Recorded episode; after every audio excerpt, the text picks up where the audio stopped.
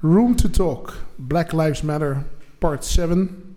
Vandaag eh, in het gezelschap van twee, eh, twee gasten. Waarvan ik wel kan zeggen dat die hun kladden hebben gezet in wat wij reclame noemen. En ook wel ervoor gezorgd hebben dat de reclame die wij nu ervaren op een bepaald niveau, een bepaalde esthetiek ehm, is gaan rusten. Ehm, ze stellen zichzelf even voor met naam, wat ze doen en wie hun ouders zijn. Jij mag als eerst. Uh, Johan Kramer. Ik ben uh, tegenwoordig regisseur. Vroeger heel lang in de reclame gewerkt, ook met een eigen bureau, Kessels Kramer. Uh, mijn vader is Ben Kramer. Niet te verwarren met de zanger, voor de oudere luisteraar. Oh, jammer. Nee, hij was bouwkundig ingenieur, dat is een heel ander genre. En mijn moeder was Greet, verpleegster. Ze leven allebei niet meer, maar uh, ik heb wel een liefdevol uh, thuis gehad, ja. Nice. Dus Welkom. Heb ik ze alle drie beantwoord? Zeker. Ja, ja volgens mij wel. Ja. En tegenover mij? Um, ik ben Mark Muller. Ik ben creatief directeur uh, bij Achtung. Mijn um, vader heet Niels. Die is, um, is, die was ziekenhuisapotheker. Zoals ik het vroeger ooit heb gezegd, die stopt pilletjes in potjes. En mijn moeder heet Carol. En die um, heeft eigenlijk de hele leven twee kinderboekwinkels gehad. En ik ben opgegroeid in Nijmegen. En ik ben geboren in Bogota in Colombia. Dus ik ben geadopteerd. Welkom. Zes weken na de moord op George Floyd um, zitten wij hier. En uh, Mark, is er iets veranderd in jouw leven sindsdien? nou, denk je? Denk je? um, God, dat is wel een beetje een, uh, een lastige wellicht. Nou, ik weet niet of de, of de aanleiding voor mij George Floyd was of de stroom van gesprekken die daarna op gang kwam rondom dit uh, onderwerp en uh, rondom racisme. Um, en ik heb wel op een of andere manier um, heeft racisme of het thema in mijn leven wel uh, een rol gespeeld. Of ik heb er vaker mee te maken gehad. Uh, en ik heb het ook wel altijd een boeiend onderwerp gevonden. En ik heb dus de afgelopen tijd nog best veel gesprekken gehad met nou ja, vakgenoten, met uh, ook andere mensen die geadopteerd zijn. In welke manier heb je het, waar heb je ermee te maken gehad? Nou, ik denk niet dat ik, dat ik heel erg gediscrimineerd ben geweest. Alleen het grappige is dat ik me, misschien doordat ik geadopteerd uh, ben, nooit heel wit gevoeld. Maar ook weer niet uh, zwart. Nee. Zwart, licht, nee, licht donkerwit of lichtbruin. Ja. Um, dus daardoor was ik wel opeens van, oh ja, moet ik dan een, een, een kant hierin kiezen? Ja. Ik vond dat wel een, een beetje lastig, een lastig verhaal. Tenminste, dat heeft me aan het denken gezet. Ja. Heb je al een conclusie voor jezelf? Nee, nee, nee. Uh, nou, ik, denk, ik, vind het, ik vind die keus niet een, een keus die ik, die ik wil maken. Um, dus ik, ik zou heel graag dan in het midden willen blijven. Ja. Dus ik vroeg me ook, is er ook een, een hokje bruin of is er een hokje donkerwit? Ja. Het is, de discussie is nu zo gepolariseerd dat ik het gevoel krijg dat, laat ik zou zeggen, mensen met kleur die niet bij het een of niet bij het ander willen horen of dat gevoel niet hebben, dat die een beetje daar tussenin vallen. Maar misschien lees ik de discussie niet helemaal goed hoor, maar dat is het gevoel wat ik soms heb gekregen de afgelopen tijd. Is er een, is er een hokje bruin, denk je? Ja. Is er een tussen, tussenfase, tussenplek? Um, nou ja, er zijn heel veel kleuren, maar wat mij frappeert de laatste week is meer het ongemak van de witte mens. Om hier, hoe hiermee om te gaan. Ja. En, uh, en dat polariseert volgens mij heel erg de discussie. Dat is, het is een klein voorbeeld, maar ik keek nog verleden week naar een sportprogramma en dan zie ik Jack van Gelder.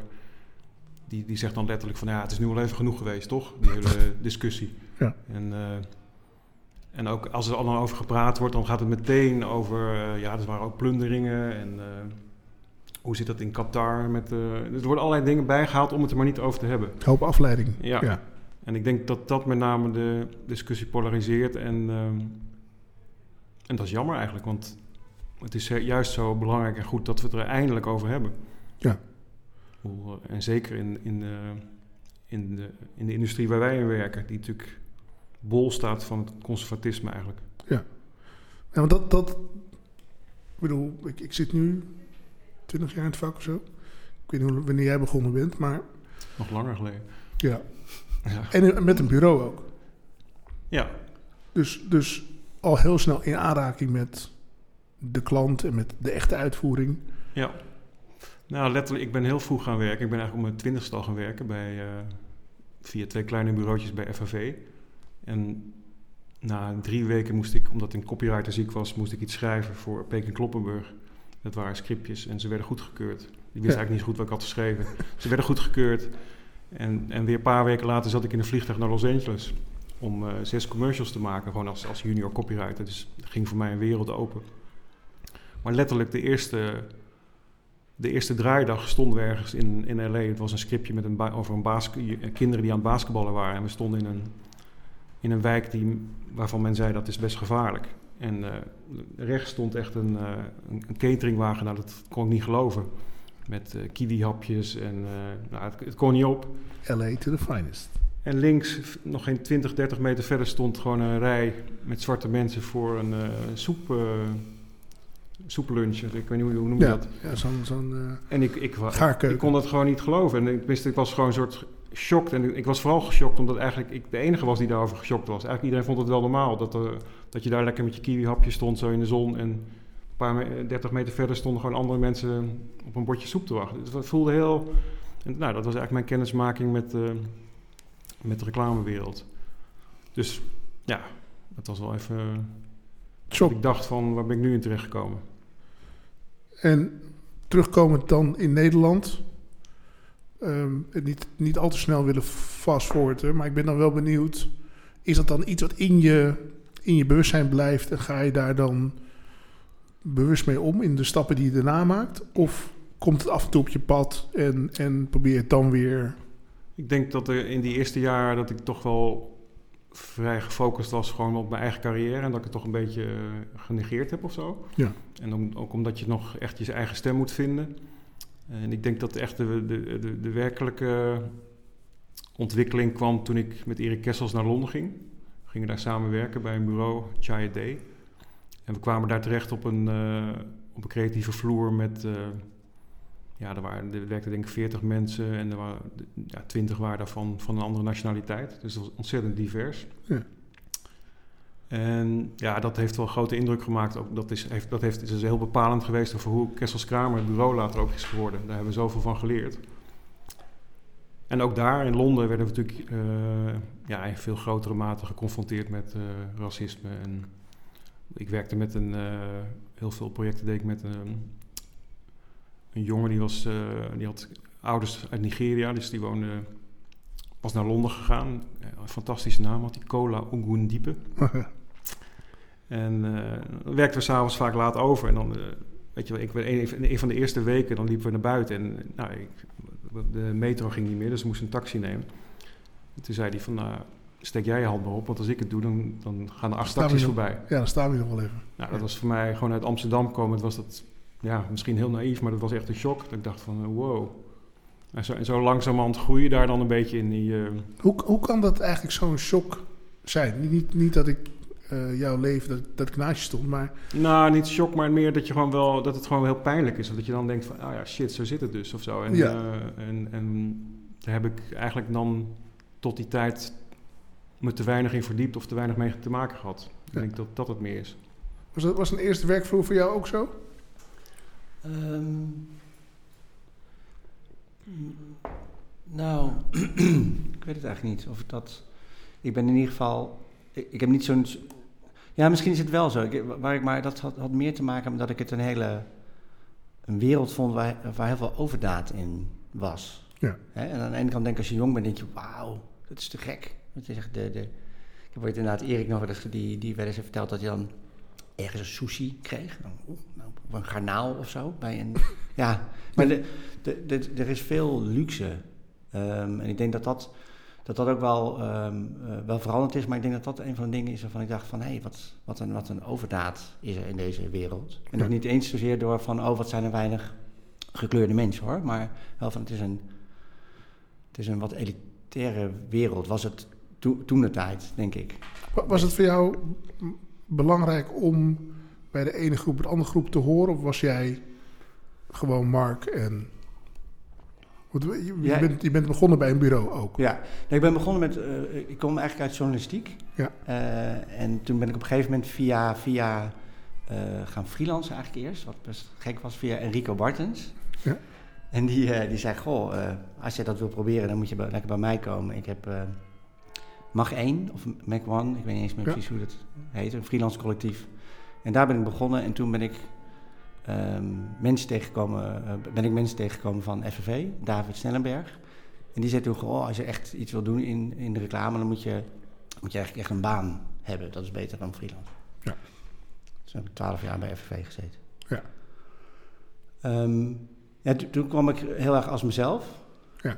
Eh, dus ik ben nooit echt bezig geweest met goh, eh, kleur of racisme, discriminatie. Was altijd wel- dan wel blij dat ik zag van, oh wat leuk, er is iemand met een andere kleur, Ab Mollinga.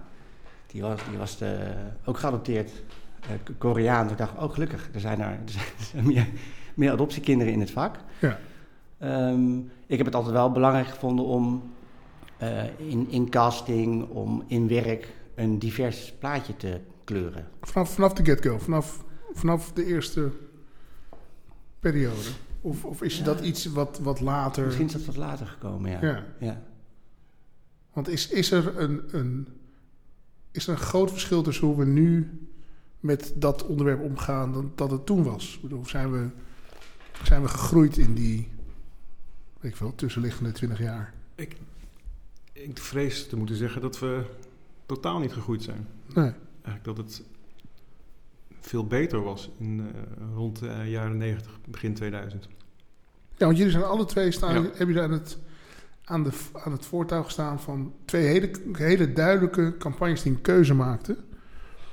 Ehm, maar dat is best wel lang geleden. Bedoel, jij, Johan, met Ben en jij, Mark, met Hai.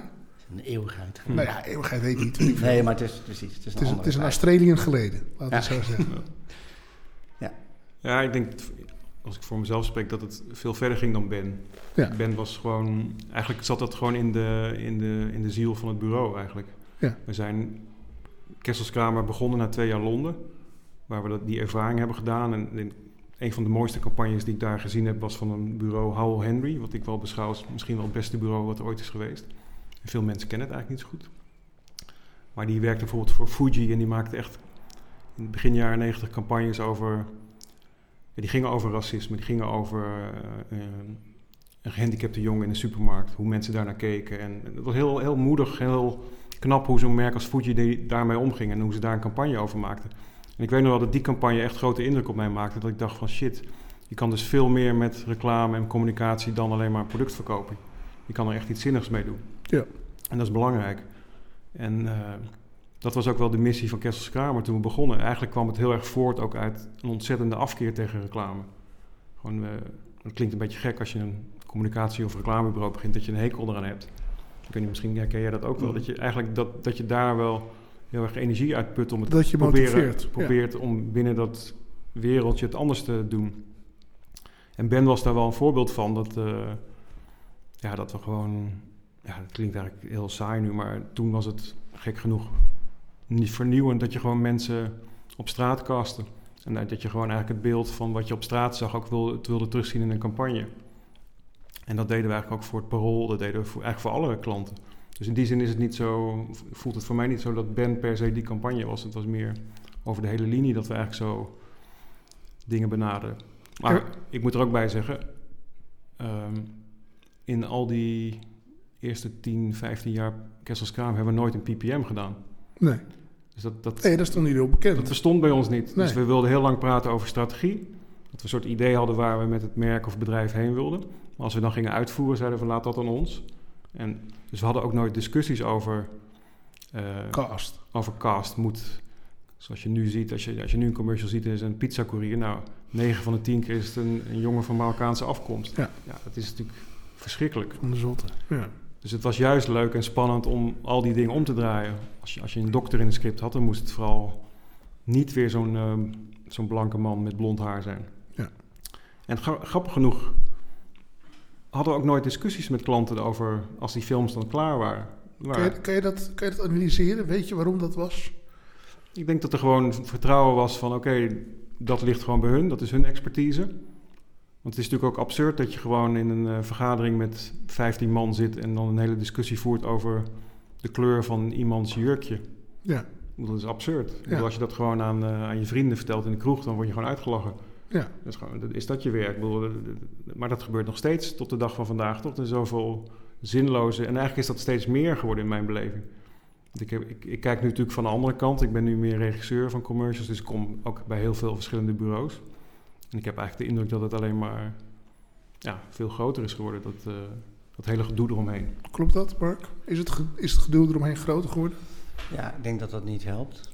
Ehm, ik had ook ook bijna het idee van, toen deden we dat gewoon. Misschien is dat, dat niet helemaal waar, maar nu, nu zijn mensen zich wel van veel meer dingen bewust. Er wordt ook overal wel heel hard over nagedacht, soms een beetje te hard. Heel veel data. Ja. Is heel veel data, op zich ben ik daar niet tegen, ehm, maar eh, je, je moet daar wel eh, iets goeds mee doen. Hè. Da- data, eh, uit data haal je geen ideeën, maar kun je wel eh, goede inzichten halen.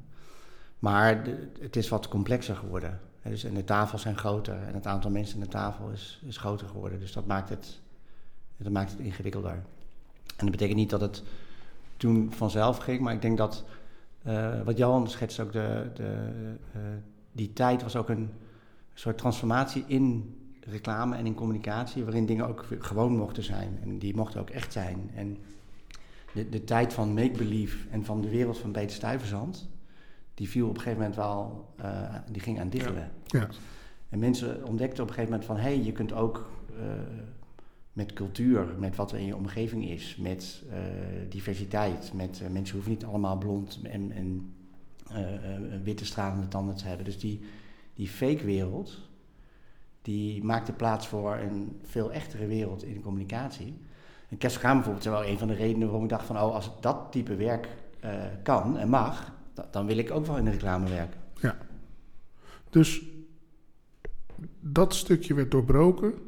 Ik kan me nog wel herinneren dat had ook een beetje te maken met geld. Want we hadden op een gegeven moment hadden we weer wat minder geld. En toen moesten we meer docu draaien.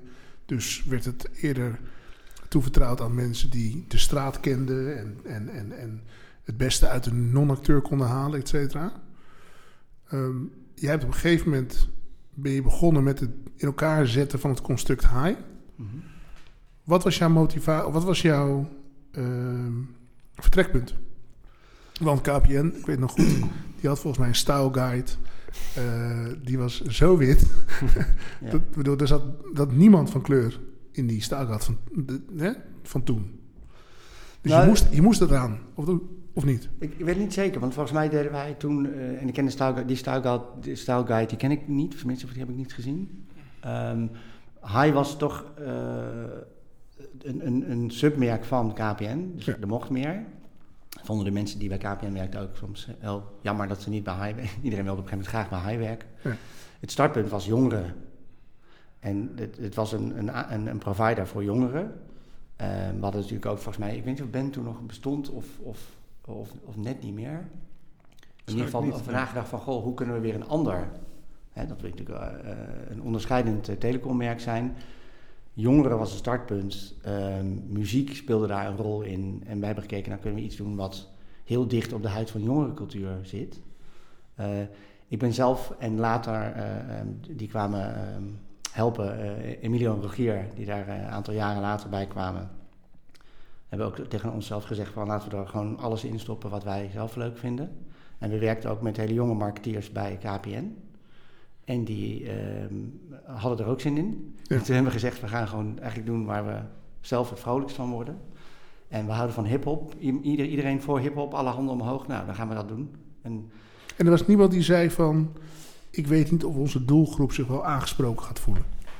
Nou, we hebben dat, uh, jawel, tuurlijk. Dat, Ja. ja. ja. En, en eh, we hebben toen volgens mij best slim, of ik weet niet of dat slim was, maar we hebben gezegd van, weet je, dan gaan we het samen met, de, met die doelgroep maken. Ja. Dus we nodigden gewoon wat mensen uit, ook van onze eigen leeftijd, want het was gewoon, ongeveer onze eigen leeftijd was de doelgroep. Ja.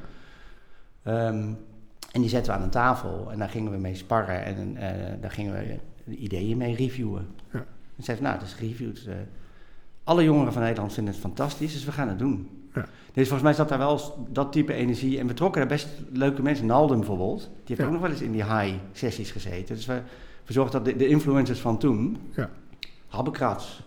Ehm, later is natuurlijk ook eh, eh, bijvoorbeeld partijen als Topnotch erbij gehaald. Volgens mij hebben we altijd wel geprobeerd om zo dicht mogelijk op die jongere cultuur te blijven. En ook de experts erbij te halen die die credibility konden eh, meebrengen. Voor zover wij dat niet zouden hebben. En is dat een, is dat een ik noem het maar even een trucje, of een, is dat een, een manier om dat nu misschien weer opnieuw mee te proberen? Of is er nu een andere tijd of een andere route? Kunnen we niet veel ruziglozer zijn en gewoon zeggen: dit moet, punt. Nou, ik weet niet. Nu, nu, om- hè, het klinkt misschien alsof het een heel doordachte tactiek was, maar het was ook best uit de, uit de heup. Oké. Als ik nu, ehm, en achteraf, als je achteraf terugkijkt, dan lijkt het van, oh ja, dat hebben we toen best slim gedaan. Maar ik denk dat daar heel veel good feel bij kwam kijken. Ja, maar Ehm, misschien wel gewoon je eigen cultuur. ja, ik denk dat dat meespeelt. Ik vind dat je bijvoorbeeld nu ook bij Hurk, eh, die agency, hè, Emilio die een tijd geleden aan tafel zat, zie, je Ja. dat, zie je dat ook. Eh, die, die werken, eh, en dat is heel goed, met allerlei jonge makers. En ik- denk dat het verschil ook daar, daarin zit van met wie maak je het en met wie doe je het. Ja. Ehm, dat is enorm belangrijk voor wat er uiteindelijk uitkomt. En, en dat je zelf het initiatief neemt, denk ik. Dus dat je, ik denk dat jullie dat bij Haai hebben gedaan. En ik denk dat Emilio en eh Rogier dat ook bij Hurk doen. Die Ja. maken eigenlijk wat ze zelf willen maken. Ja. De klanten sluiten zich daarbij aan. Het is niet zo dat die echt op een briefing gaan zitten wachten, denk ik. Die gaan gewoon maken wat ze willen maken. Is het moeilijker voor jou als regisseur om diezelfde positie in te nemen? Richting je bureau en richting je klant? Of heb je inmiddels, zeg je gewoon van nou dit is de route, this is the way. Nou, de- het selecteert zichzelf een beetje. Ik krijg, ik krijg heel veel scripts niet. Nee. En daar ben ik soms ook wel heel blij om. Ja, En, eh, en wat ik dan wel krijg, dat past meestal wel bij me. En dan kan ik soms wel een draai aan geven. Maar er zijn ook wel dingen ja, waarvan ik dan denk van... oeh, dat eh, liever niet. en, en de klussen die je wel doet en daarin zeg maar de, de manier die je werkte bijvoorbeeld op Ben, die krijg je gewoon nog steeds er doorheen. Of dat, daar krijg je nog steeds de ruimte voor om die zo in te vullen. Ja, dat probeer ik wel heel sterk. En eh, Maar dan met PPM. met PPM, maar ja... Ja, ik, ik, ik heb een aantal van jullie podcasts geluisterd. En volgens mij was er eentje met, eh, met Wouter, ook een regisseur. Die vertelde een verhaal wat ik best wel eh, heftig vond. Ja. Over dat hij iets, een familie had gecast en die werd dan opeens in de PPM afgeschoten. Ja. Ja, dat...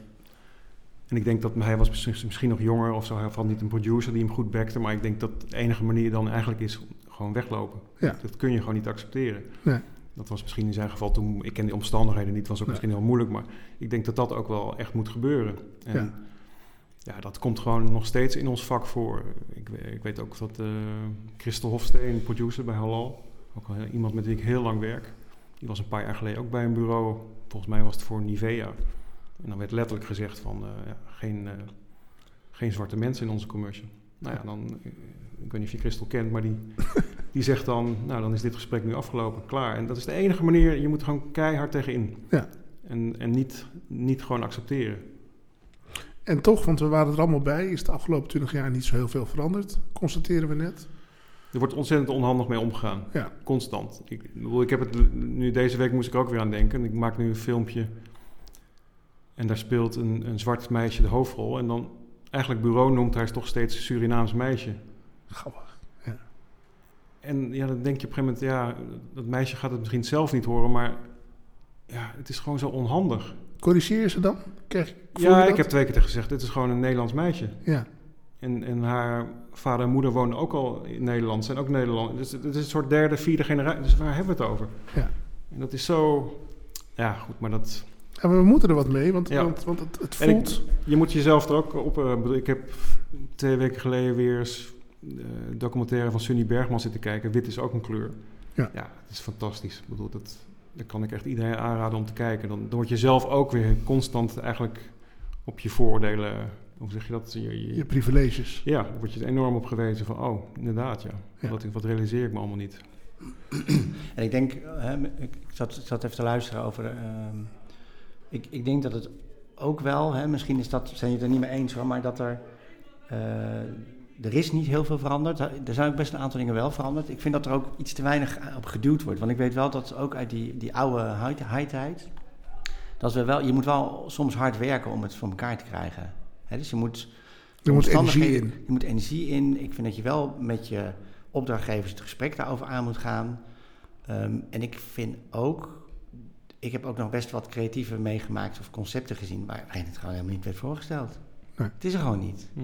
Dus er wordt soms ook gedaan van het mag niet, want de opdrachtgever wil het niet. Of want, eh, nou ja, wat jij vertelt, hè, een, Ja. een, een opdrachtgever die echt zegt we willen het expliciet niet. Maar ik zie ook nog wel eens ideeën langskomen, er zit er gewoon niet in. Nee. Er wordt geen moeite gedaan om, misschien wel uit de angst van, oh ja, dan moeten we, dan is dat een conflict. Of dan, eh, jeetje, dan gaat de sfeer eraan. Of eh, waarom zouden we? Of, eh, Nou, Ik- En misschien omdat toch de, de, de makers eh 95% van Ja, de tijd dat- wit zijn. de- dus hun absoluut. eigen Ja, referentie Kader. bepalen. ja. De klanten hebben dat ook heel sterk. Ik vind klanten altijd heel erg op elkaar lijken. En altijd best wel een beetje dezelfde types. Ja. En ook Dus- altijd dezelfde eh, mening over dingen. Ja. Hoe vaak ik niet klanten heb die op een set lopen en dan lopen ze naar de, de set toe en dan zeggen ze, "Hé, die bank vind ik lelijk. Die sokken. En dan zeg ik, ja, ik vind die bank ook lelijk. maar voor het verhaaltje wat we vertellen is het heel een goede bank. is een topbank. Ja, Ja. ik ga hem niet thuis zetten, maar dus, eh, ja, mensen hebben dus ook, eh, ge- kijken naar dingen altijd vanuit hun eigen perspectief. En dat doe het- ik waarschijnlijk ook heel vaak, maar dat, dat is wel iets waar je bewust van moet zijn. Ik vind het interessant omdat eigenlijk zou je hebben gedacht dat met al die levenservaring die we hebben opgedaan, zowel in de echte wereld als in de nepwereld, en hoe vaak we die samen hebben gebracht, dat het, dat we, het ons zou kunnen moeten lukken om het systeem van binnenuit aan te passen. Hm. Maar toch voel ik dat daar, dat, weet je wel, ik, ik doe dit nu ook alweer 20 jaar. Het blijft ingewikkeld om dat eh, te veranderen op plekken waar je niet bij bent. Snap wat ik bedoel? Mhm. Kijk, als ik, als ik in de ruimte ben, dan kan ik je garanderen dat Ja, niemand zegt van. eh, eh. maar als ik er niet ben, wat dan gebeurt er zou, dan? nee, precies, dan zou je willen dat het systeem gewoon nog steeds ons allemaal dient, zeg maar. Nou, ik, ben, als ik, ik ben wel benieuwd bij Haai bijvoorbeeld. Dat- Dat kwam denk ik voornamelijk door jullie eigen gevoel wat je beschrijft. Dat je die campagne kon doen. Ja. En zat die oprechtheid ook bij de klant? Of werden, werden die steeds enthousiaster omdat het heel goed werkte? Dat, dat denk ik dat dat, dat dat hielp absoluut. Ja, Ja, het werkte dus. Ik dacht van, oh, dan moeten we hiermee doorgaan. Maar we hadden best, in, in, in, in Cast hadden we best verschillende eh, mensen zitten en veel diversiteit. Maar het ging ook niet altijd even makkelijk. Want dan kwam er op een gegeven moment toch een mail van, goh, mogen, mogen we ook één keer een wit iemand? ja. Zeiden we, nee, daar is geen sprake van. Dat Ja. kan niet. Nee, maar, ehm, op een gegeven moment let je daar dan ook niet meer op. Dus we hebben ook best wat weerstand gehad. En er zijn ook, eh, grappig genoeg, dat je niet zozeer uit vak, maar ook weer van... ehm, juist ook van verschillende groepen in Nederland. Die zeiden, goh, waarom eh, stereotypering? Dat heb ik ook toch best een paar keer gehad. Dus het is... En dan ga je ook wel eens twijfelen hoor. Dat je denkt van, hebben we dat dan net niet goed genoeg gedaan? Of hadden we dat dan Hm. is die rol, klopt die wel? Precies wat Johan omschrijft met, en dat speelt nu nog meer met een vergrootglas. Dat heb je een pizzacourier. Hoe vul je die in? Hoe vul je die in? Op Ja. het moment dat je daar dan een, een hele leuke Algerijnse jongen inzet, dan is het een stereotypering. Dus dan moet ik dan een Ja. wit- witte jongen. En dat- ik vind het soms best ingewikkeld eh, Overigens, om dat shout-out. goed te doen. Shout-out naar Deliveroo en Uber Eats en, en, en thuisbezorgd.nl. want die hebben ervoor gezorgd dat iedereen het kan zijn inmiddels. Ja.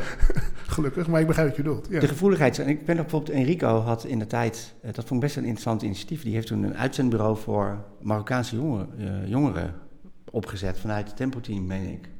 Ja. Nou, die kreeg me toch een golf van kritiek. Want dat was dan precies eh, eh, niet de bedoeling van integratie. Ja. Want de bedoeling was juist dat dan al die Marokkaanse eh, jongens en meisjes gewoon via Tempo Team gewoon een baan. Je moet dan niet je eigen uitzendbureau gaan beginnen. Dat, dat was dan echt. Dat en ik vond, terwijl ik het toen de tijd best moedig vond. En dan achteraf gezien misschien wel Ja. heel moedig. Ja, Heel goed. maar dat, die krijgt dan best veel ehm, zit. Hoe is dat nu? Want hoeveel van je huidige werk, wat, wat, wat uit jouw handen eh, de markt op komt, hoeveel daarvan heb je er in zo'n discussie gezeten? Of is van nature eh, eh, een, mix of de juiste mix? Of, Poeh, ja, ik denk dat ik, hè, zeker nu de, de afgelopen tijd, en met, ik, ik kijk daar nu toch weer, ook weer anders naar. Ik denk dat het ook altijd beter kan. Ja. Je, ehm, je hebt wel eens momenten, en soms gaat het ook wat gemakkelijker, of is het wat logischer, of is het natuurlijker, of... ehm, ik, ik denk dat het meer kan. En ik denk ook wel dat, dat ehm, ehm, en dat bedoel ik ook met energie, je moet, daar, eh, je moet soms ook echt voor gaan. Of je moet dat ook echt die energie erin stoppen. En ik heb geloof ik ook bij, bij het begin van acht toen ehm, zeg maar mezelf wat vergalopeerd ook in het voorstellen. En dan, dan zoek je soms zo de extreme op dat dat verkeerd valt. Dus ik heb wel eens... en wat, wat is verkeerd vallen? Nou, waar- waarin ehm, ik ook van collega's wel eens van... Goh, waarom moet je dan geforceerd... ehm, ik weet het niet. Dat, dat je soms de grens daar te veel in opzoekt. Ja, Ik heb wel eens een verhaal voorgesteld. Moeten we niet een, een, een verhaal van een jongen die voor zijn oom... of voor zijn, voor zijn, voor zijn vader, moslim... een reis naar Mekka maakt en, dat, en daarvan verslag doet. En zijn vader die kan, die kan dan... Het was ook echt een researchverhaal. was echt echt. Was echt, ja, het bestaand verhaal is niet verzonnen, maar dat. eh, en die zou dan die hele reis verslaan. En, en vader of, of, of oom lag dan vanuit bed. Die, die was slechte been. nou, en toen kwam die, toen, speelden die terreuraanslagen. ehm, en toen, was, toen zei iedereen gewoon, ja, maar dit verhaal moet je gewoon nu niet doen, joh. En dit, dit moet een merk ook niet willen doen. En dan is een beetje de vraag, gaat dat, heeft dat, is dat racisme? Of zeg je, nou, je zit wel met zoveel ingrediënten, je hebt een, een, een heilige plaats... die je voor een merk of voor content gaat gebruiken. Er leeft nu best een soort gespannen sentiment rondom ehm, islam... Wat, echt, wat, wat, wat, wat, wat heel jammer is dat het zo is. Is deze timing dan goed? Hoe hard ga je dit nu er doorheen willen? En ik, ik, ik, ik heb mezelf eens betrapt dat ik dacht van... Doe, doe ik dit nou goed of slim? Of ben ik nou juist hier als een soort activist... ehm, een, een punt aan het maken op een heel verkeerd moment. Met een heel verkeerd onderwerp. En wat vond je zelf? Ik, ik weet het tot op de dag van vandaag, weet ik het eigenlijk niet. Nee. Ik, ik vertelde laatst aan iemand die zei van... Zo, dat is een gek verhaal. Dat had je moeten doen. Maar ik weet het niet. Ik kan me ook voorstellen dat ik... eh, ik heb het niet zo ver geresearched dat ik met... eh, mensen ben gaan zitten die, dit, die, dit, die, die zo'n hart zelf hebben gedaan. En die misschien zeggen, goh, je moet daar met je, met je tengels van afblijven. Van die harts, want dat hoort bij ons geloof. En dat, daar moet je heel ver bij weg blijven. Ja, interessant. Maar wat vind jij? Nou ja, ik, Want dit- dit- dit- ik, denk, ik denk dat de harts is gewoon een, een, een onderdeel van je, eh, van je eh, eh, religieuze opvoeding. Iedereen moet hem een keer doen. Dus het is heel erg natuurlijk voor, voor iedereen die islamitisch is opgegroeid... om dat in zijn of haar leven te hebben. En dat vertaald zien naar het beeld, ik denk dat dat juist een, een, een enorm opsteker is. Omdat daarmee maak je het gewoon... Is het gewoon. Ik denk het ook. En ik denk dat je het helemaal los moet zien van wat er vervolgens aan sentiment aan de andere kant gebeurt. Want dat is juist de kant waarvan de meeste moslims zeggen: joh, dat is mijn leven helemaal niet. Mhm. Ik, ik ben, dit, mijn leven staat zich op andere pilaren, andere. Nee, juist. Ik zou het, ik zou het denk ik aanmoedigen. Lastig is dat ook die goede bedoelingen van jouw kant en die intentie, dat die ook aan de andere kant voelbaar moet zijn bij zo'n opdrachtgever. Ja. En dat is hij vaak niet. Ja. Dat heb ik bij Ben ook ontdekt op een gegeven moment. Op een gegeven moment, als ik terugkijk op die hele campagne, waren wij veel meer Ben dan Ben zelf. Van Ben zelf, ja. Eigenlijk die hele toon van die campagne, dat was eigenlijk de toon van Erik en mij. Hoe wij over dingen dachten en hoe wij in het leven stonden. Ja. En op een gegeven moment ga je dat ontdekken. Dat, ja, wij maakten campagnes bijvoorbeeld, ik wijk even van het onderwerp af, maar we maakten campagnes lang voordat Veilig Verkeer Nederland dat deed over dat het gevaarlijk was om in de auto te bellen. Ja. Daar waren al wat statistieken over en die gebruikten we gewoon in de campagne. En dat deden we eigenlijk met intentie van ja, gebruik nu eh, je commercials ook voor iets zinnigs. Weet je wel, vertel een zinnige boodschap. Het gaat niet alleen maar om die telefoontjes verkopen, maar je kunt ook dit ermee doen. Dat Maar- vonden ze ingewikkeld natuurlijk. Nou, ze vonden het al wel mooi, maar later ontdekten we toch wel ja, dat, dat ze toch wel heel belangrijk vonden dat ze heel veel car kits verkochten. Ja. Dus er kwam er toch wel een andere... Dus langzaam ga je dat een beetje ontdekken, hoe groter zo'n bedrijf dan wordt. Dat eigenlijk alles wat jij erin probeert te stoppen... Uh, niet altijd helemaal klopt met hoe zo'n bedrijf erover denkt. Nou, en, dit is wel... Ik, bedoel, ik ben opgegroeid in de reclame met de, het gevoel dat wij als reclamemakers... Een, een, een, soort voor, een soort inzicht konden bieden, een soort vooruitzicht konden bieden... waar mensen naar konden leven of ambitie naar konden krijgen. Dus ergens um, denk dat ook onze verantwoordelijkheid of zo is om ervoor te zorgen dat mensen zien de wereld die ze, hè, die ze zouden moeten ambiëren. En als die wereld dan uh, blijkbaar een reis is naar Mekka, dan, weet je, dan, dan zou dat uh, getoond moeten kunnen worden, zodat ik me er iets bij kan voelen. Dat is een beetje wat, wat Rabat, denk ik, heeft gedaan voor mij. Um, is dat ik dacht, voor het eerst sinds een hele lange tijd zag ik gewoon drie jongens van Noord-Afrikaanse afkomst, die gewoon een reis deden. En gewoon een opdracht moesten vervullen voor je vader. En gewoon, en geen lol hadden. Ja. Gewoon lol hadden en, en, en, en allerlei situaties die ik ook ben tegengekomen uh, uh, in de reis die ik gedaan heb. En niemand had de discussie over het feit, waar komen die jongens vandaan? Nee, dat waren gewoon, uh, ja, dat waren gewoon jij en ik. En daar zit denk ik onze, onze huidige, althans voor mij in ieder geval, voor de huidige zoektocht, is om elke keer gewoon weer de, dat voortouw te pakken. Te zeggen van, jongens, dit, is gewoon, dit zijn gewoon karakters, zijn gewoon mensen, het zijn gewoon levenslijnen. Maar ik, in die zin ben ik, ben ik ook best, uh, hè, want er zit, uh, ik, ik weet ook niet helemaal of ik het zo vind dat er echt, echt uh, helemaal niets gebeurd is. Ik ben best optimistisch overigens hoor, nu. Ja. Want ik denk dat het een heel goed moment is. Ik geloof dat uh, Femke Halsema, de burgemeester, uh, van de week nog eens zei van... Hè, dit is een, echt een keerpunt. En uh, nu, nu, nu, zijn die keerpunten in het verleden, weet ik ook, wel vaker geweest. Hè, dat, oh, nu gaat het veranderen en dan gebeurde er niks. Ja. Maar als je kijkt naar ons vakgebied en als je... Ik denk dat het nu voor een adverteerder die dit meekrijgt... en volgens mij kun je, kun, je, kun je niet anders dan dat je dit ziet, hoort en daarover gaat nadenken. Of in ieder geval daar iets mee moet. Ja.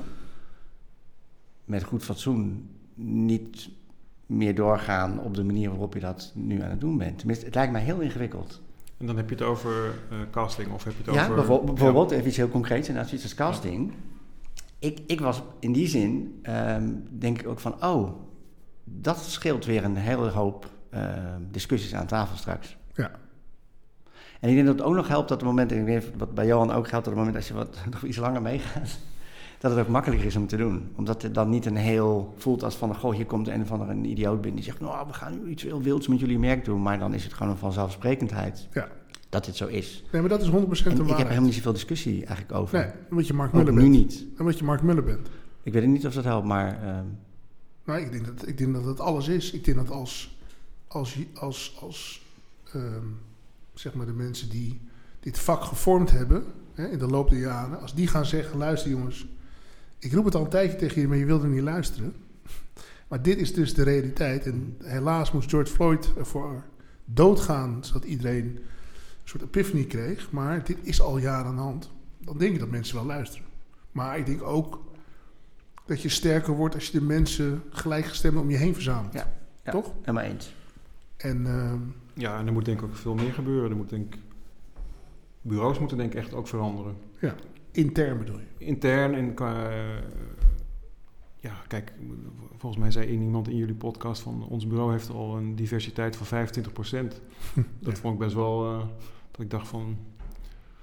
Nou, ik ben wel eens, ik, toen ik bij FFV begon, toen was er een soort smoelenboek. Kan jij dat herinneren? Kijk, het klinkt heel raar, maar die is dat heel lang gebleven. Het gezicht. Ja, maar dat was best wel leuk, want het was een heel groot bureau van 200 man.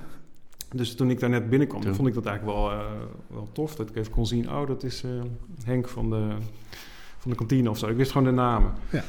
Uh, het was trouwens een heel, een heel wit smoelenboek. Ja. Maar ik, ik, zat, ik zat wel te denken van, het zou nu wel eens interessant zijn van alle bureaus om dat te doen. Gewoon in de adformatie van, laat maar zien hoe divers je bent. Ja. Want ik hoor nu wel heel veel bureaus ook zeggen van, ja, we zijn er al lang mee bezig. Of, maar ik, ik ben eigenlijk wel benieuwd, laat maar zien. Want volgens mij kan dat allemaal wel beter. En misschien moeten we er ook wel wat meer druk op zetten. Ja. Johan, je weet toch zelf wel welke plaatjes je te zien krijgt, toch? Dus je kunt het ze vragen, maar je, je weet het antwoord. Nee, maar goed. De, de gezichten alle... kennen we al. Ja. Toch? Maar... Ja. Of, of, je bedoelt om, om daarmee de commitment grote termijn. Ja, Ik denk gewoon dat laat maar zien dat je het echt doet. Ja, en, dus eh, en, maar dat op, al, op allerlei vlakken kun je dat natuurlijk doen. Hè? Ik bedoel, eh, ja, weet ik veel, eh, misschien... eh, nou, Het, weet aan, het aannemen van je creatieve teams, tot Ja. aan je strategen, tot aan je... ja. ja. En het zou, en het zou eens kunnen betekenen... En het vak heeft het zo erg nodig, want het maakt het vak zoveel beter als we dat zouden doen. Ja. Juist, dat is alleen maar in mijn hele creatieve loopbaan is dat eigenlijk mijn enige ervaring. Dat je, hoe meer je mensen bij elkaar zet van verschillende achtergronden, hoe interessanter het werk wordt. Ja. En ook de bureaus die ik bewonder uit het verleden hebben dat eigenlijk altijd gedaan. Ik bedoel, DDB die Volkswagen vroeger maakte in Amerika. Nou, als je ziet wie, wat, wat voor een samenstelling die creatieve vloer had. Dat waren mensen uit totaal verschillende achtergronden. Ja. Howell Henry uit Engeland, wie ik al noemde. Dat waren eh, ja, allemaal mensen totaal verschillende culturele achtergronden. En dat leverde interessant werk op. Hoe gaan we die set van ons eh, wat meer van kleur krijgen? Hoe gaan we daar nou voor zorgen?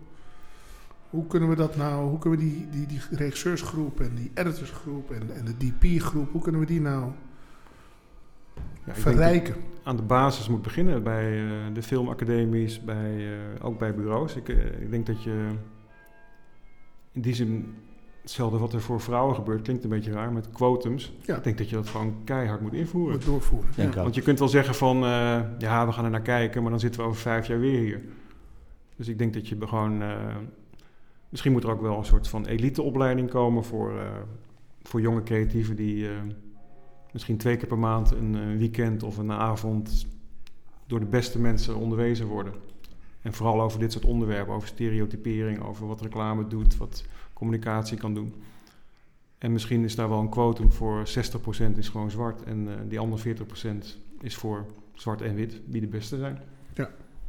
Gewoon helemaal, misschien moet je wel zo, ja, klinkt een beetje stringent, maar misschien moet je dat gewoon wel doen. Ja, ik ben het er mee eens hoor. Volgens mij is dat, je moet het echt, een verandering komt niet eh, door eh, eh, inderdaad dat met elkaar te roepen. Of in clubjes van mensen die het, die, die het toch met elkaar eens zijn. Maar door het gewoon afspraken te maken. En die, die kun je concretiseren door daar inderdaad eh, eh, gewoon cijfers aan te hangen met een doelen. Anders dan gebeurt het niet. Wat vind je van, de, wat vind je van correctie op de werkvloer?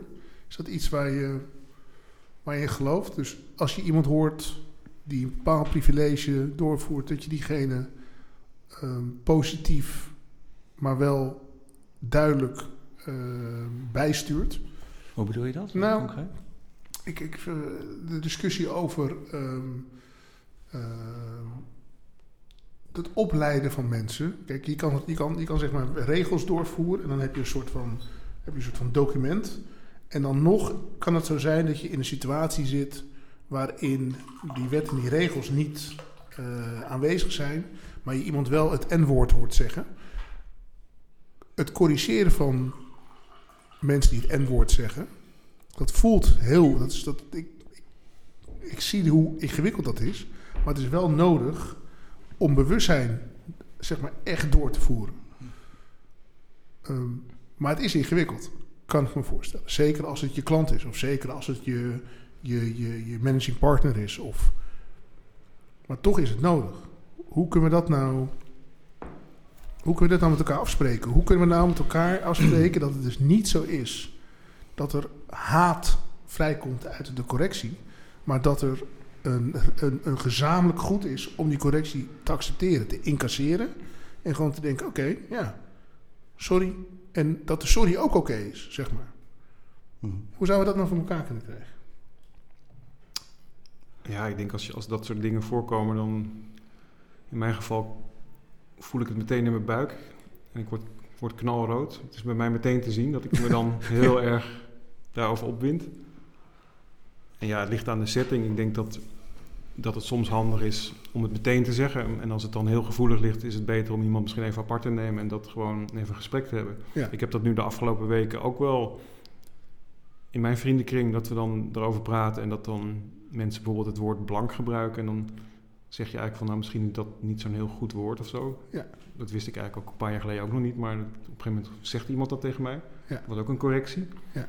En dan onthoud je dat en dat geef je weer door. Ik denk dat we dat, dat, dat heel belangrijk is. Ja, dat laatste En dat, we, en dat we gewoon ook moeten leren om, om te luisteren. Kijk, het is zo. Dat had ik ook in het begin wat ik over Jack van Gelder zei. Ik dacht van ja, dan gaan weer witte mensen bepalen hoe lang deze discussie moet duren. Maar het is nu ook aan ons om even af en toe gewoon te leren en te luisteren. Ja. En uiteraard wel actie te ondernemen, maar ook wel niet weer in die rol van, oh, wij gaan alles weer bepalen. Deel je dat, Mark? Ja. Ja, ik deel het, ik deel. Ik moest wel zelf ook... Ik heb de afgelopen weken heel veel gelezen erover. Want ik kwam ook achter dat ik heel veel dingen niet wist. Of niet de juiste context. En ik vind het altijd wel prettig om te weten van hoe zit het nou precies. En ik wilde eigenlijk ook best weten wat Black Lives Matter nou is. En ik sprak ook iemand die zei, ja, nou, Black Lives Matter. En, ja, maar weet je wat het, wat, wat, waar het voor staat? Nou, dat weet ik niet, maar dat maakt niet uit. Ja, weet je, ik, ik, ik, ik vind, je moet dan alles onderzoeken. Hè. Dus inderdaad, volgens mij op één staat education. Hè. Dat, dat natuurlijk... eh, ehm, Ehm, daar gaat het ook om. En dan vind ik ook dat, dat je ook alles moet onderzoeken wat te onderzoeken is. De blank-wit was, was voor mij nog relatief... ik, heb, ik heb misschien liggen slapen even, maar sommige framing... ehm, daar moest ik me even eigen maken. Dat wist ik niet. En ik, Nee. ik vond het wel lastig dat het op een gegeven moment... framing heel erg de discussie domineerde. Hmm. Eh, dat mensen gepakt werden op... ja, maar je zegt nu het verkeerde woord. En, en daardoor kwam, kwam die, die, die- dat gesprek niet verder. Nee. Dat Er werden ook mensen wat banger van. Ja. Met name ook eh, witte mensen. Ik had het ook even toen, want ik dacht, zo, ik ben blij dat ik niet wit ben. Ja.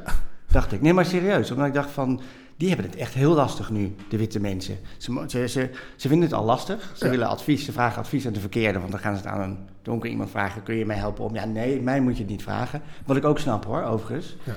En vervolgens merk je dat dat dan doodloopt. Ja. En dat er een angst ontstaat om het verkeerde te zeggen. En dat ze dan maar niks zeggen of, heel gefrustreerd, iets heel onaardigs gaan zeggen. Ja. Uit een soort Het heeft nu wel lang genoeg geduurd. het heeft nu wel lang genoeg. Ja, Een defensieve reflex. Ik denk ook uit, uit een soort. eh, sommige mensen zijn ook echt zeggen hele verkeerde dingen hoor. Maar soms ook denk ik ook uit een soort wanhoop. Ja.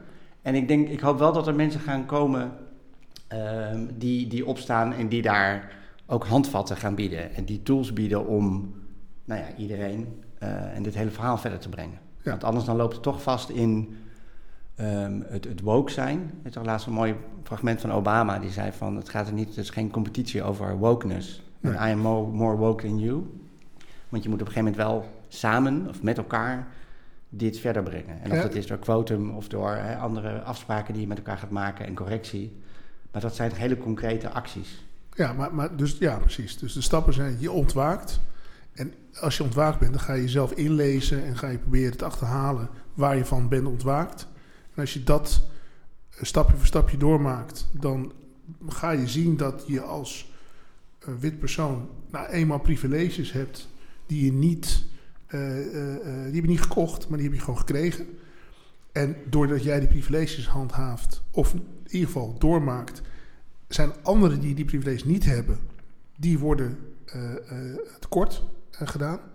En ehm, daar zit gewoon eenmaal een pijnlijk realisatiemoment in. Dat, ja, dat, dat gaat niet weg, denk ik. Maar ik denk wat jij ook bedoelt, is dat we niet in een eh, wel eens niet eens discussie hoeven te komen als we iedereen zijn mening of iedereen zijn wokeness of zijn ontwaken de tijd daarvan toelaten. Is dat wat je zegt? Dat je Ja. gewoon zegt van... De ene is het binnen een week en staat op de barricade... en de andere heeft gewoon drie, vier maanden nodig... om überhaupt te snappen waar we staan. Nou, ik- nou, dat bedoel ik. En ik denk dat het ook dat we moet, met elkaar moeten erkennen dat het ook. Het is best complex. Het is echt. eh, het is een heel complex vraagstuk. En er zitten allerlei aspecten aan. En je kunt niet van iedereen verwachten dat ze dat meteen van vandaag op morgen weten hoe ze daarmee om moeten gaan. Een antwoord hebben. En, en de eerste weken, daarom was ik blij dat ik niet de eerste of de tweede podcast eh, hier zat. Ja. Toen vond ik het heel erg gaan over zeg maar, het reactievermogen. Van hoe snel kun jij, en met name in deze tijd bij social, dus jij moet nu iets posten, want anders dan ben je niet eh, eh, in on it. En ik vond dat best heftig. Want ik zou wel dat best veel bedrijven ehm, heel zorgvuldig met het juiste antwoord willen komen, in plaats van nou ja, meteen eh, reageren op eh, wat er gebeurt, het verkeerde, met het risico het verkeerde antwoord te geven, met het risico eh, afgefakkeld te worden. Het is natuurlijk best een gevoelig onderwerp, dus ik vind dat je daar ook wel met, met zorg mee om moet gaan. Zeker. Maar ik denk dat de vraag eigenlijk was... ben je met mij tegen racisme? En als het antwoord dan volmondig ja is... dan zou je dat kunnen uitdragen. Ik ben, wij zijn, volmondig tegen racisme. Dan kan je daarna In de maanden daarna kan je jezelf gaan intern Ja. werken. Ja. Kan je intern aan Ja. gaan werken. Maar ik denk dat dat de vraag was. En, en, en dat is aan de ene kant... Maar dat is misschien ook waar we het in het begin over hadden, dat dat ook wel aan de hand is in het vak. Dat eigenlijk de ironie is dat alles langzamer is geworden. Ja. Dus er zijn meer eh, lagen gekomen, er wordt langer vergaderd. Eh, het duurt eindeloos lang voordat campagnes het levenslicht zien. Dat was twintig jaar geleden anders. Terwijl de wereld om ons heen totaal instant is qua sociale media. Ja. Ja. Weet je, wel, je hebt nu een eh, idee, je zou het over tien minuten zou je het al kunnen lanceren. Ja. Maar bedrijven, instellingen kunnen daar heel moeilijk mee omgaan met die snelheid. Ja. En dat, dat is ook wat Mark zegt, dat heb ik ook wel gemerkt bij bedrijven waar ik mee te maken had de laatste weken. Iedereen is er super eh, erg mee bezig, iedereen voelt die verantwoordelijkheid, maar ze hebben geen idee hoe ze dat moeten uitdragen. Nee, het, het is ook nog, maar wat je zegt inderdaad, de bedrijven zijn, zeker die grote, die, die zijn al niet snel. Maar die vind ik eigenlijk vaak, een paar, het zijn wel uitzonderingen hoor, op, op social ook niet snel. En het, het viel mij best op dat zelfs de echt grote, ook hele grote merken in de vorm van personen, eh, bijvoorbeeld de voetbalwereld, ook er een week over gedaan hebben. Eh, veel. Ja. Virgil van Dijk was daar een week, anderhalf week. En ik snap dat ook wel, want ik denk dat zo'n... Ik, eh, jij, bent, jij bent helemaal thuis in voetbal, ik niet. Dat zijn megamerken. Die hebben toch een following. eh, die, die denk ik even in acht nemen. Wat ga ik zeggen? Hoe ga ik het zeggen? En reken maar dat die een hele duidelijke mening daarover hebben. Ja. Ehm, dus, dus die waren ook niet snel. Ik heb tot op de dag van vandaag heeft Ronaldo nul aandacht aan besteed. Ja. Dus ik, ik, ik, ja. Dat hou je bij. Nee, ik heb toevallig ik even een rondje gemaakt langs een aantal welke grote welke namen. van de drie bedoel je eigenlijk? Welke Ronaldo? Die, de, eh, de, de, de Portugees? de Portugees, ja. Oh ja. Terwijl ik bijvoorbeeld inderdaad de... de Niet de beste. inderdaad. Nee. nee. Wij, hadden- wij dachten aan de Braziliaan. wij dachten aan Braziliaan, want Ja. die Portugees bestaat eigenlijk niet. Nee. Eh, Banksy bijvoorbeeld, hè, je hebt natuurlijk ook een echte merken die heel snel waren. En die kwamen ook, ook meteen met ideeën. Heb je die Banksy gezien? Ja, die, zeker. met dat standbeeld? Ja. Eh, Kijk, ik, ik, denk, ik denk dat, dat eh zo langzamerhand wil, wil doorhebben dat het niet een politieke aangelegenheid is, maar gewoon een humanitaire aangelegenheid. Ik denk dat daar zit een stukje, zou ik het zeggen, afleiding. Ik denk dat we nu focus kunnen maken. En dat betekent dat je als bedrijf nu best al je middelen kan inzetten om eh, te take a stand. En ik denk Eh. ook dat het goed is als je... Je hoeft ook niet zeker van je zaak te zijn. Juist niet misschien wel. Je kunt ook gewoon aangeven dat je kwetsbaar bent. Dat je ook aan het zoeken bent wat, wat precies het antwoord is. En hoe je daar in je bedrijf mee omgaat. Ja. Ik denk dat, dat die eerlijkheid wel gewaardeerd wordt. Tot letterlijk twee, nou ik denk anderhalf jaar geleden had ik geen probleem met Zwarte Piet. Gewoon, ik dacht alleen maar, jongens, het is niet hetzelfde. De ene, Zwarte Piet, is gewoon een soort Donald Duck. Dat, dat is een heel andere belevingswereld. Ik dacht, joh, maak je geen zorgen. Ik zal nooit de vergelijking maken tussen Zwarte Piet en iemand en een zwart iemand. Hm. Ik liep er gewoon knalhard overheen dat die persoon van, van die zwarte persoon wel degelijk het gewoon zich enorm eh, eh, eh, racistisch bejegend voelde. Daar ben ik gewoon overheen gestapt. Hm. Ook ik moest toen gewoon een soort van incasseren en denken, holy shit, wat heb ik gedaan? joh? Ja, bizar. Ja, bij, ik kan me herinneren dat bij Kesselskamer dat we begonnen en in een klein eh, mini-kerkje in Amsterdam. En een, onze eerste werknemer was eh, Jasmine Camira, was een producer waar we in Londen mee hadden gewerkt, een zwarte vrouw. En eh, zij was een beetje eigenlijk onze agent. En we begonnen volgens mij in, het, eh, in de herfst of zo. En toen kwam, nou, zij, zij kwam naar Nederland, vond het best wel een, eh, een stevige stap. En ik kan me herinneren dat zij dat we gewoon in ons kantoor waren en dat er een soort afbeelding van Zwarte Piet was. En dat gezicht van haar dat zie ik nog steeds voor me. Echt zo van, what the fuck. En het was een hele pittige tante ook, die, nou, die, die echt, die schold ons helemaal... En wij hadden geen idee. Nee. We werden zo op ons nummer gezet. Maar dat, ik kan me dat heel goed herinneren, dat, dat het dus iemand van buiten nodig had om ons dat, dat te kunnen En ik realiseren. denk, en ik, dat, En is- voor mij, dat is voor mij de kern. Dus Zwarte Piet zijn we inmiddels overduidelijk wat daar mis aan is. En zo zijn er nog een hele hoop zaken, dit soort zaken, in ons vak... die dezelfde label zouden moeten krijgen als Zwarte Piet... maar daar nog niet zijn. En ik denk dat wij, omdat we misschien iets, ons meer- iets minder zorgen maken over onze baan... maybe... dat wij gewoon moeten zeggen... oké, iedereen die ik om me heen verzamel... die gaat mij helpen om dat aan elkaar te stellen. Het grappige is wat jij vertelt over, Piet, dat wij bij Achtung eh, werkt, nou, ik weet niet of het de helft is, maar heel veel internationaal. En daar is het al überhaupt een onbespreekbaar onderwerp. Dus dat, en dat is wel grappig inderdaad om Ja. te zien, want je krijgt Ja. een ouder perspectief. Die vinden dat Piet, nou, eh, die, die, die, die vinden dat echt helemaal niks. En die snappen daar helemaal niets van. En ehm, dus dit- dat is eigenlijk ook meteen een non-discussie. Iedereen is daar nou, eh, tegen. Ehm, het, het grappige is, ik heb het wel eigenlijk van, van me- ik heb één jaar in Amerika gewoond en eh, op high school gezeten. En ik heb eigenlijk een soort heel vroeg Piet-moment gehad. Toen mijn ouders uit Nederland mij eh, met Sinterklaas cadeautjes gingen sturen. En die hadden heel leuk eh, de cadeautjes Verpakking. ingepakt en die verpakking gefrankeerd. En ik had eh, best wat zwarte vrienden die, eh, nou ik weet niet, in mijn hoofd waren die op dat moment aanwezig dat ik die pakjes van de postbode kreeg. Kreeg. Maar ik heb toen wel echt een, een heel pijnlijk moment gehad. Waarin ik ook echt, dat ik toen realiseerde van hier is echt ontzettend iets verkeerd. Ja. Want het waren ook nog de pietjes van, nou, we hebben het hier over 28 jaar geleden. Ja. Die verdrietig kijkende, eh, met dikke lippen, shockend achter Sinterklaas aan. Dus nee, die, die, kreeg, die kreeg je niet uitgelegd. En toen dacht ik ook van ja, hier, hier- dit, dit klopt niet. En ik ben wat dat betreft wel blij dat er, ik hoop dat, dat het dit jaar echt compleet verdwenen is. Maar ik, ik hoorde dat daar, dat daar misschien nog wat tijd overheen moet gaan. Maar het, het lijkt mij Nou, ik, niet, Ik toch? denk dat het dit jaar wel voorbij is. Gaat Ja, dat lijkt me ook. Ja, dat gaat. eh hey jongens, zijn er onderwerpen die waar we het eh, over moeten hebben die jullie nog niet gehoord hebben? Dingen die jullie bezig heeft gehouden of bezig gaat houden? Ook in de toekomst. Nou ja, ik denk dat wat we zeiden, van dat het belangrijk is misschien om een soort quotum binnen bureaus. Of dat dat best interessant is. En ik denk ook wel dat, dat het niet alleen noodzakelijk is, maar ik denk ook dat het gewoon eh, ontzettend inspirerend kan zijn. Om juist eh, heel veel mensen van een andere culturele achtergrond in zijn bureau te krijgen. Toe te laten. Ja. Het is Ja. zo veel van hetzelfde nu. En het vak heeft het zo heel hard nodig. Dus in die zin is het aan alle kanten een, een hele goede situatie om die verandering eh, tot stand te laten komen. En ik, ik moedig ook jonge creatieven aan om vooral bureaus te beginnen nu. Ja. Dat is denk ik ook nog wel een hele snelle weg. Eigenlijk wat Emilio heeft gedaan, die, die heeft er natuurlijk vrij... Die heeft er wat langer over gedaan, omdat hij lang bij bureaus heeft gewerkt. Maar wat weerhoudt jonge mensen om gewoon een bureau te starten? Ik bedoel, dat is het mooie aan, aan dit vak. Je timmert een bord op je deur en je bent een bureau. Ja. Dus doe het gewoon, weet je. En dan zorg op die manier voor verandering. Ik denk dat het vak daar om, om zit te schreeuwen. Er zijn een heleboel oude dinosaurussen.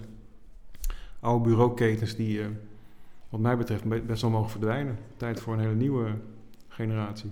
Eens. Ja. En eh, als die het kunnen veranderen, als die al het voortouw nemen, dan helpt dat eh, de hele industrie. Nou, en ik, ik denk dat je ook kunt uitleggen of uitleggen en kunt laten zien ook aan eh, opdrachtgevers. in dat, volgens mij is er, is er wil, ik ken geen enkel merk wat niet eh, aansluiting wil hebben bij deze tijd waarin we leven. Die Ja. bestaan niet. Je krijgt niet een opdracht, goh, we willen heel graag een soort ja, jaren 60-achtige gedateerde, gedateerde sfeer. Kun je dat consistent, die is er niet. Dus volgens mij kun je ook best goed laten zien dat het je merk enorm veel oplevert en heel veel energie geeft. En dat jonge mensen je nog aantrekkelijker vinden ook. Ja. Op het moment dat je aansluiting vindt bij, bij de cultuur zoals die nu om ons heen. En mensen eisen dat ook, hè? Dus je kunt wel zeggen, ja, maar dat willen we niet. Maar dan willen de mensen je straks niet. En dat is gewoon eh, dat is het einde van je merk. Dus, het- en volgens mij is het wel goed om daar ook met opdrachtgevers... Hè, dus de industrie is niet alleen de creatieve industrie wij zelf... ook gewoon over in gesprek te blijven.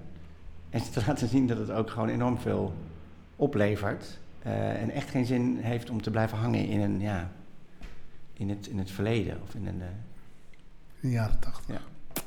Jongens, dankjewel. Dit was een eh, hele mooie sessie. En dankjewel voor jullie openheid. En eh, de gegrondheid die we genomen hebben om deze onderwerpen aan te raken. En ga door met de Dankjewel. podcast. Ja. Heel tof. Afgesproken. Jo.